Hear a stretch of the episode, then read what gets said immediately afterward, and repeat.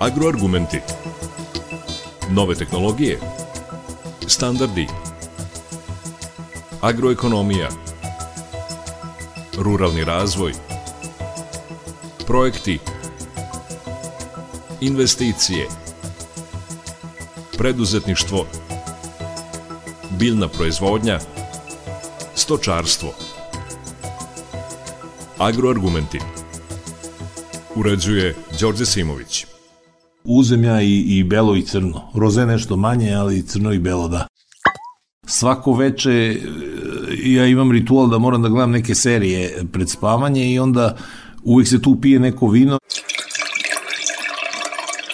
vremenom da su me serije, filmovi i šta sve me je čeprkalo i počeo sam da zavidim ljudima koji toko uživaju vino. Mislio sam da je to neki vrhunac hedonizma. No, vino mi delovalo kao neki savršen time out za nekog čoveka i možda antistres, taj, taj, taj blok uh, u danu gde kao sve čovjek otera, dođe i onda ispije to čašu vina. E, mogu da svedočim o, o, tom, o toj vinskoj revoluciji u Srbiji, o vinskom bumu, jer zaista sam posećivao vinarije koje dolaze do, do, do ja mislim, evropskog nivoa. Koliko puta e, mi kroz, e, kroz prozor automobila vidimo vinski put, deluje da je Srbija sva iz, iz Šparta na vinskim putima, što govori o, o tom intenzitetu vinske industrije i nekog povinjavanja ovaj, Srbije.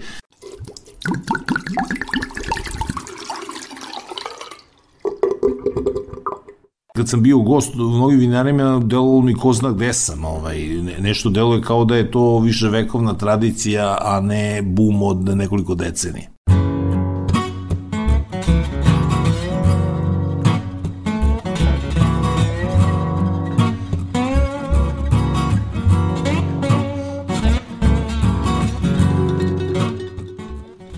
Branko Rosić, novinar i književnik. Uz Slobodana Trkulju, Vanju Bulića, Jovana Maljokovića, Petra Samarđiju i druge ugledne ličnosti postaje nosilac priznanja Vitez mladog vina.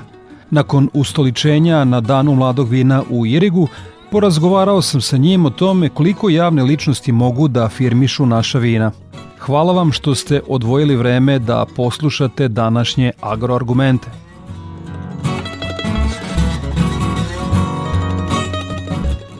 Mnoge javne ličnosti su u poslednjih bez malo dve decenije nosile titulu uh, Vitez uh, mladog vina.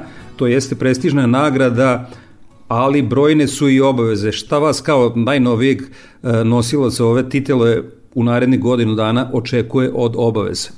Od obaveze da čuvam vinograda od čvoraka, i da popijem, boga mi velika količina, već sad mislim da li bi trebao za ovaj intervju već da natočim, ne znam koliko je hektara čak ovaj, pretvorenih u tečnost, grožđa u, u, u, u lepu tečnost zvano vino. Mnogi javne ličnosti pomažu da se razvije ta priča i u globalnim razmerama o e, umeranoj i odgovornoj konzumaciji vina. Znamo da je futbaler Barcelone Iniesta ima svoju vinariju, pa ne znam, David Beckham, pa e, Sting je u biznisu sa vinom. Koliko znači to da javne ličnosti promovišu vinsku priču? Pa sigurno ovaj, da znači I ja recimo i, da ne pijem vino, ovaj, ne, ne znam kako se kažu, u, u, kad je jelo onda imamo zazubice, a, a ne znam kako bi bilo u pitanju vina, ali recimo svako veče e, ja imam ritual da moram da gledam neke serije pred spavanje i onda uvijek se tu pije neko vino i, i osjećao bi se jako oštećen kad ne bi imao nepca koja ištu to piće, ovaj, zato što zaista uh, svaka serija ovaj ima taj time out i break u ispijanju vina. Dakle, e, kako se ta vaša e, pristup vinu vremeno menjao? S čime ste počeli i gde ste danas? Koja ste e, u početku vina voleli i kako se ta lepeza širila? Pa ja moram da kažem da ja dolazim iz uh, dete socijalizma i, i kad, kada su bile one carice, milice i to i ove rođendani i žurke uh, sa onim oskudnim repertoarom, mislim, znači repertoarom iz e, samoposluga, to vjerojatno nisu neka bila vina. Međutim, dolazila su vina neka iz nekih raznih vinarija i ja moram kažem da sam prvo ne bio ravnodušan e, nego onako, a onda sam imao i gađenje, sad ovo nije, nije neka baš reklama, nego zato što je neki ovaj, komšija, klinac tada iz osnovne škole, išli smo u osnovnu školu, imao nekog rođaka u Dalmaciji koji mu je dao neko odlično vino i onda je ovaj da se pokaže kako je svako tinejdžerstvo, moraš da na, nadaš, nadmašiš sobstveni gabarit i da prevaziđeš sebe, pa je on ovaj, i onda je ovaj, povratio to vino kod mene u, u tinejdžerskoj sobi i na tom jednom rođendanu i onda to stalno nije mogo da se iznese ovaj, taj miris i ja dugo godina nisam ovaj, pio vino, a onda eto, vremenom da su me serije, filmovi i šta sve me je čeprkalo i počeo sam da zavidim ljudima koji toko uživaju vino. Mislio sam da je to neki vrhunac hedonizma.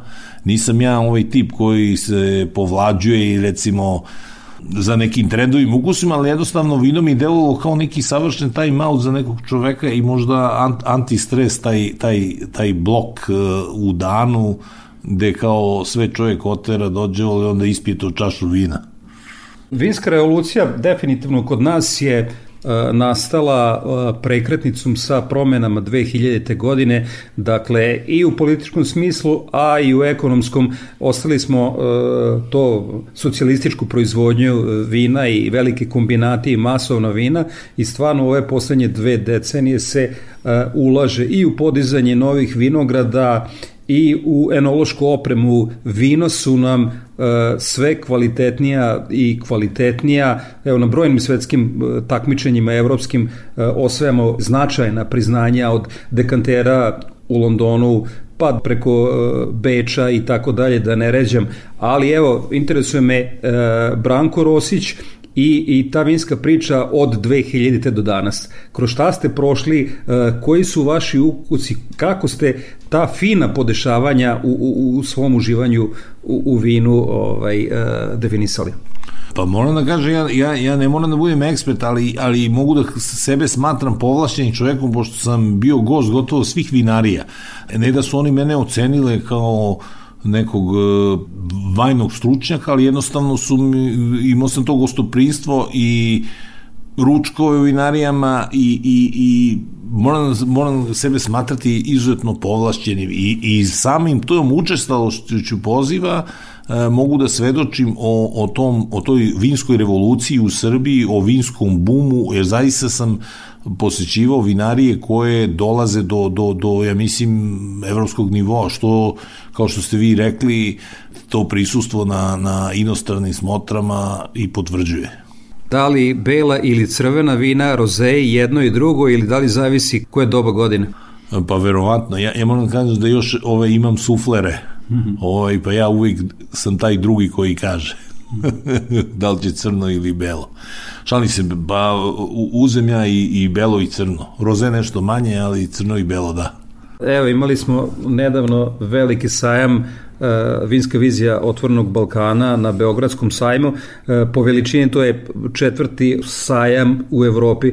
Koliko mi uh, možemo da se tako da kažem da promenimo, ako ne da se brendiramo, ali da promenimo imidž Srbije na bolje uz ovu vinsku priču?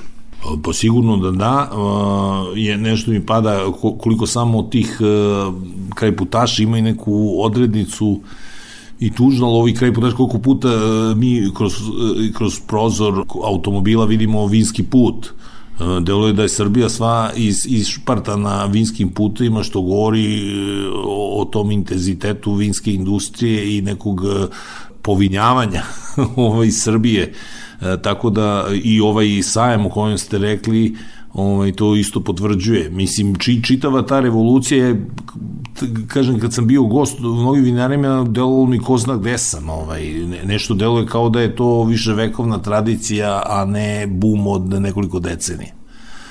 Nosila ste e, značajnom britanskog priznanja za unapređenje kulturne saradnje e, Srbije i Velike Britanije. Kako vam zvuči da zahvaljujući klimatskim promenama e, se u Britaniji se podižu vinogradi što nikad gotovo kroz istoriju nije bio slučaj? Jeste, eto, i sad bi se ja iznenadio da isto ne znam, jer i oni to spominju kao kuriozitet kao evo i evo britanski ambasador je posetio sajam vina upravo štandove sa a, britanskim vinima a promena klime ovaj u Londonu a, su za mene bila dva pokazatelja ne u Londonu nego uopšte u Britaniji Prvi je e, onaj e, metro e, speaker na metrou koji uvek govori da li ste poneli flašice pošto je izuzetno topao dan, a mi smo uvijek imali te predstave u Britaniji u kojoj je neka magla i kiša, međutim sada na metro stanice su upozorenje da li ste poneli flašicu vode, a kao drugi to su vinarije engleske i vinogradi, ovaj, uvek bi mislili da to samo pivo. Međutim, evo ga sada ovaj, sunce stiže i na Britansko ostrovo. Ovo je bio e, prvi deo e, razgovora sa e, našim poznatim novinarom i književnikom Brankom Rosićem uz muzičku pauzu ili intermezzo šta ćemo slušati i zašto baš to? Peter Gabriel, Salisbury Hill, meni se i roman u nekoj ključnoj sceni pomalo završava sa, sa matičnom grupom Peter Gabriela Genesis, i gde se dva junaka sreću na tom koncertu. Knjiga nema veze s muzikom, ali jednostavno dva junaka koje imaju vrlo burne živote susreću se na tom koncertu i onda ih razdvaja, svako odlazi u, u svoj krešendo životnog puta. Peter Gabriel uh, negde evo sad, ovo je, ovo je radio intervju, ja imam šal ovako slučajno zbog hra, hladnog srema, ovaj, a, nekako i neki šal sam kupio zbog Peter Gabriel kad sam bio klinac, dosta sam a, čitao njegove intervjue, mislim da i ta ljubav prema englesku ide od Genesis albuma Selling England by the Pound. I dosta toga duguje možda i ovome što danas i pričamo.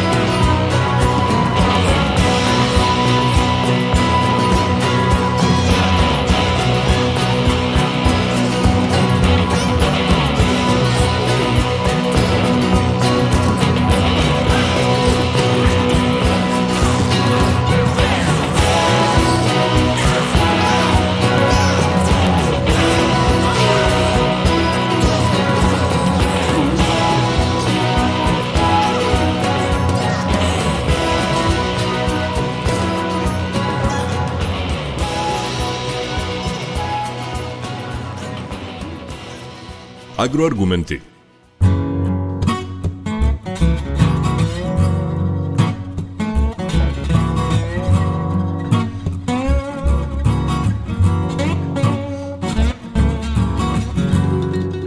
Slušate drugi deo razgovora sa novinarom i književnikom Brankom Rosićem, a povodom priznanja Vitez mladog vina koje je dobio za afirmaciju tog pića kroz svoje stvaralaštvo – Da napomenem da je rođen u Beogradu. Svirao je u kultnom punk bendu Urbana Gerila, a kasnije i u elektrogrupi Berlinstrasse.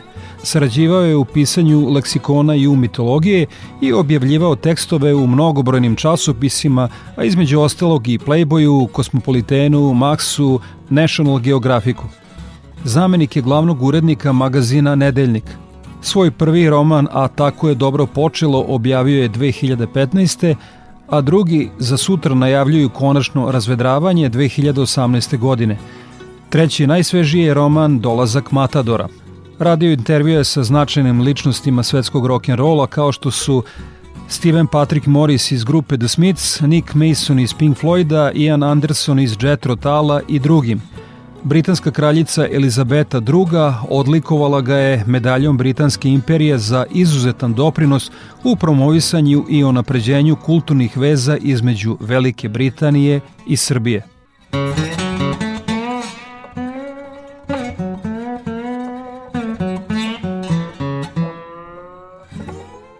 Voleo bih u e, drugom delu razgovora da popričamo o novinarstvu.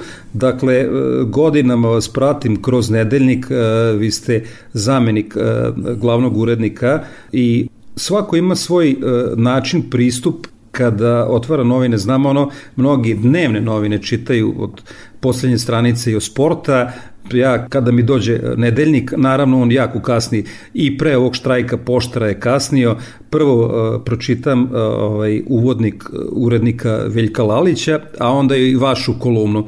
Mnogi naši, tako da kažem, ispisnici se kroz uh, vaše uh, priče prepoznaju. Međutim, u poslednje vreme, eto, jako puno imamo u vašim kolumnama, nažalost, in memorijama.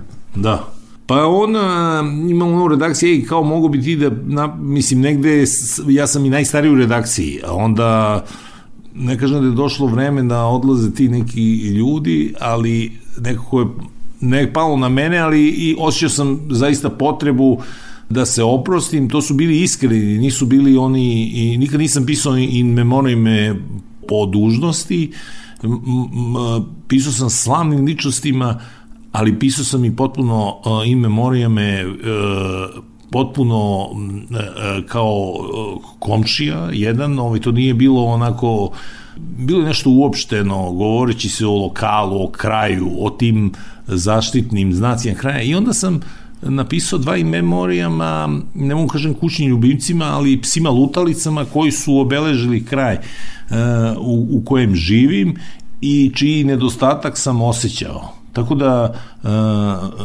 iskrenost mi je bitna, ne to nije ovo samo reklamerstvo, ali i ta iskrenost i memorijama ne, ne, ne, ne da se plašio da ne ulazim u zonu patetike, ali recimo uh, i taj in memorijam kućnom ljubimcu ja sam zalepio ispod jednog uh, ispod jedne male trafostanice gde je on spavao na kartonu. Tako da, da sam u tim oproštajima opraštao sam se, boga mi, od ljudi i od onih možda koje i više vodim od ljudi i od životinja. Kako je nedeljnik našao svoju nišu, ako bi ugrubo rekli, na tom nekom spektru imate, po mojoj oceni, s jedne strane imate vreme i nin, pa nedeljnik je negde izbalansiran u sredini i sa druge strane e, mnoštvo provladinih e, nedeljnih izdanja. E, kako nedeljnik baštini tu svoju izbalansiranost? Mislim da je bilo teško na negde na početku čekati da to nema šanse, ovaj, da jednostavno u Beogradu, u Srbiji ne postoji mesto za treći nedeljnik, da su pozicije, pozicije zauzete, a pozicije drže ni ni vreme.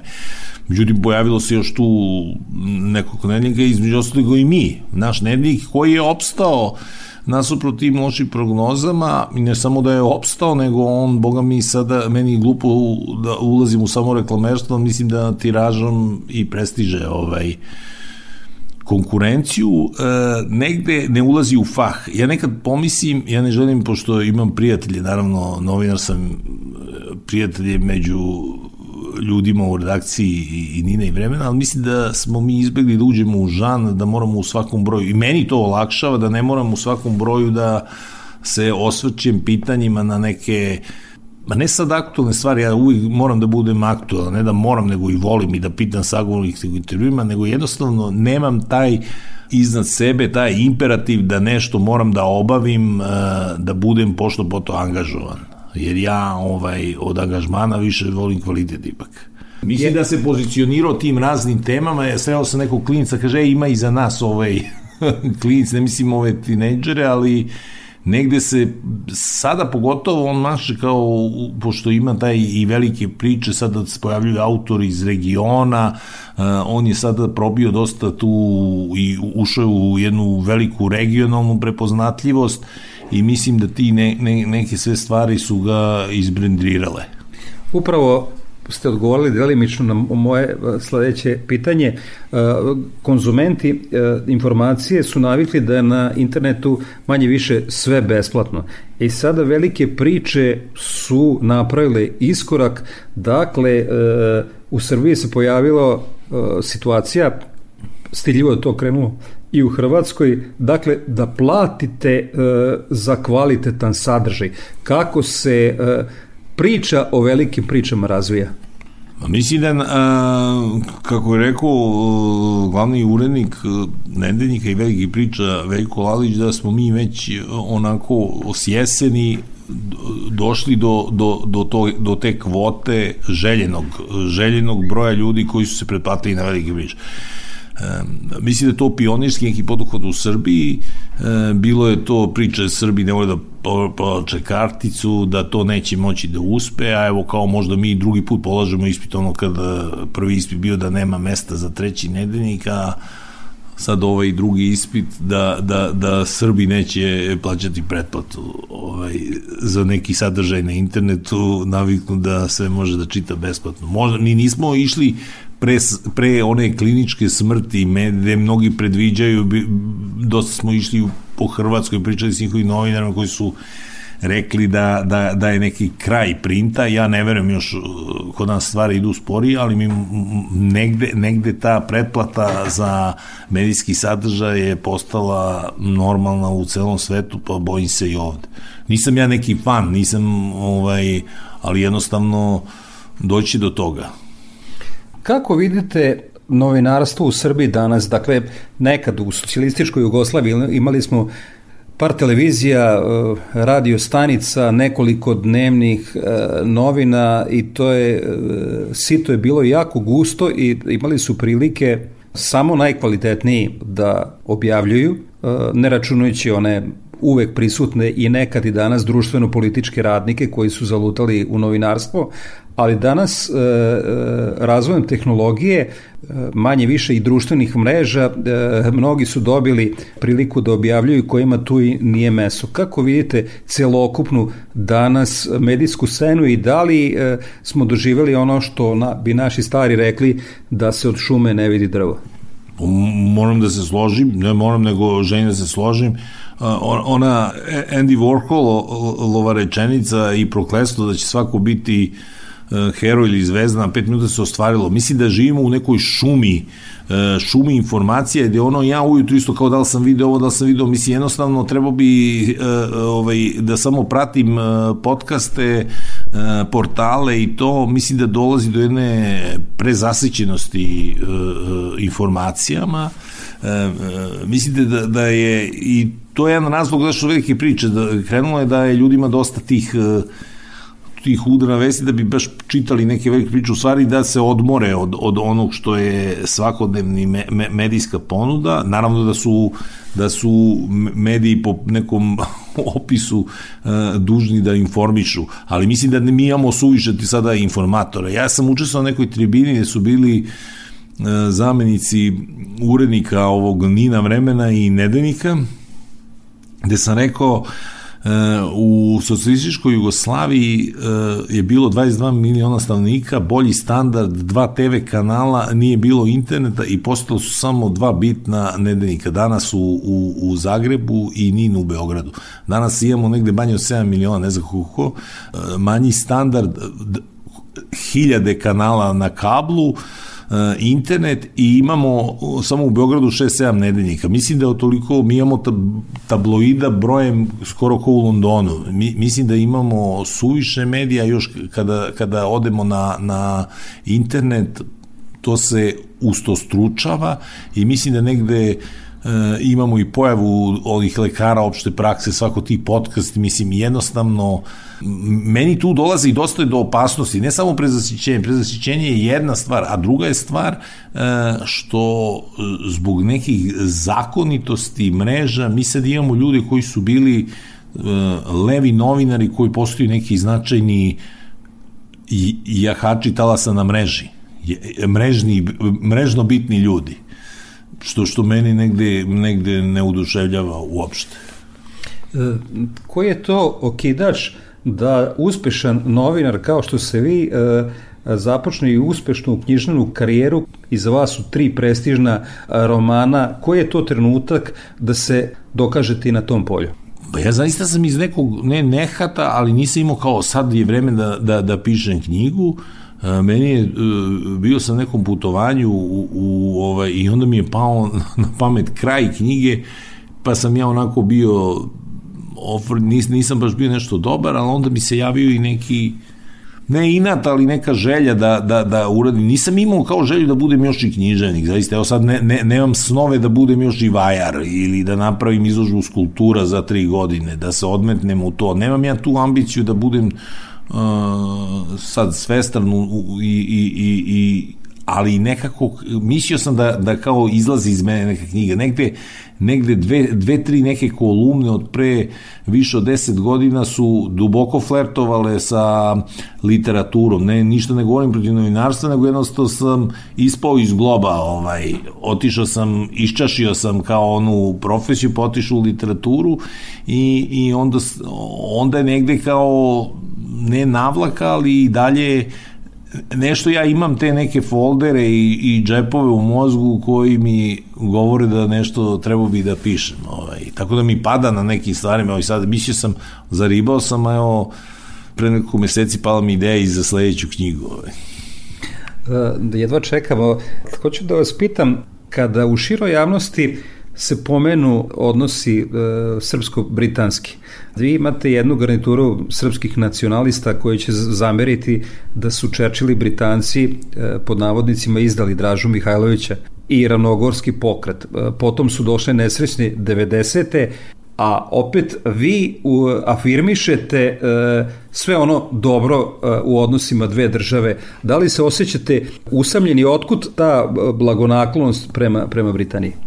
Ja kad sam dobio orden uh, Britanske kraljice Elizabete II. trebao sam da uh, i ja održim govor. Ovaj, kako Britanci ne vole nešto da, da samo hvalu, onda ja nisam teo da kažem one stvari zbog koga su mi dali da spominjem intervjue i ovo ono, onda sam ja rekao, ja sam uh, prohodao u, u Hyde Parku u Beogradu, tu sam stanovao u soliterima kraj Hyde Parka uh, i prvi put sam ušao u autobus sa roditeljima Uh, to je bio Leyland, isto engleski autobus i sišli smo kod Londona, to je ono Beograđank i otišli smo u bioskop Odeon koji isto se tako zove bioskop na Leicester Square i onda sam ja rekao možda je to bilo predodređeno svi ti lokaliteti da me a sad ozmio, odrastao sam, evo, spomenuli sam Peter Gabriel, odrastao sam na britanskoj uh, pop kulturi, mislim, uh, na, ni, nisam ja odrastao uz priče o Churchillu i Draži, nego uz, uh, uz muziku, uz priče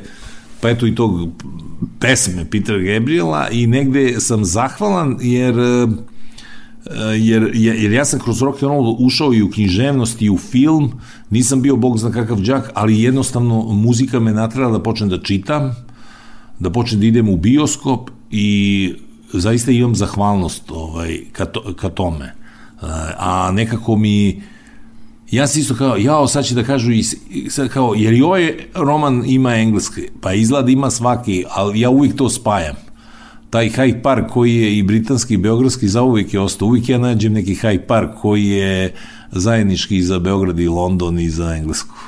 I za kraj ovog e, neobičajenog e, razgovora za emisiju Agroargumenti, otkud e, ljubav prema Chelsea? Pa to je ljubav prema panku. Evo ja ne, samo da kažem, neobično zagro, ovaj, e, pošto poljoprivredna emisija, moja e, pokojna majka i pokojna baka su u Aleksandrovo, a Velike Livade, u stvari, kraj Zrenjanina, Banata isto ima u mojim knjigama, uvek, ima i starog novosadskog puta u Bosnijem romanu, obožavam mala mesta u Vojvodini, oni mi daju veliku inspiraciju, vikendom odlazim, tako da e, nisam ja ono samo Englez, ima, ima puno banačena u meni.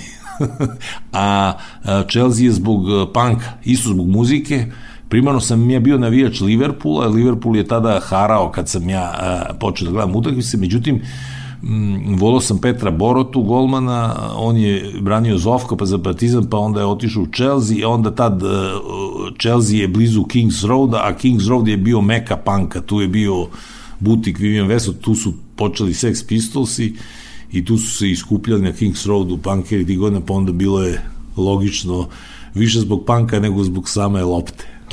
Morao sam ovo da vas pitam, pošto je preko puta vas jedan uh, veliki arsenalovac. A, dobro, pa evo. E, pa dobro, evo, ja sam, evo, i tebi se odužio, bio, boravio sam u Islingtonu uh, i svi double deckeri su imali poster Arsenal, to je lokalno dosta, i Arsenal sam isto ubacio u, u, u knjigu. Dakle, neobičajni agroargumenti, e, gost u našem programu bio je Branko Rosić, e, novinar i književnik povodom e, dobijanja prestižne e, titule Vitez e, mladog vina i evo za kraj emisije šta ćemo e, slušati i vaša emocija prema toj pesmi. Zašto baš to? baš Sweet, grupa Sweet i Fox on the Run spominje su u mom romanu kada ovaj glavni junak, jedan od dva glavna junaka odluči da da da otkaz i da krene u putem slobode, ovaj, da da otkaz u firmi i krene putem slobode, krene mu Fox on the Run na radiju, e, Fox on the Run, pojavila se lisica na banjici, lisi, evo i tu se spaja Beograd i London, lisica je skoro domaća životinja u Londonu, lisica je došla i na banjicu, e, a negde svit, negde sam i, i krenuo u, u, u, u opčinjao s rock'n'rollom preko spotova grupe Svit i 70. godina.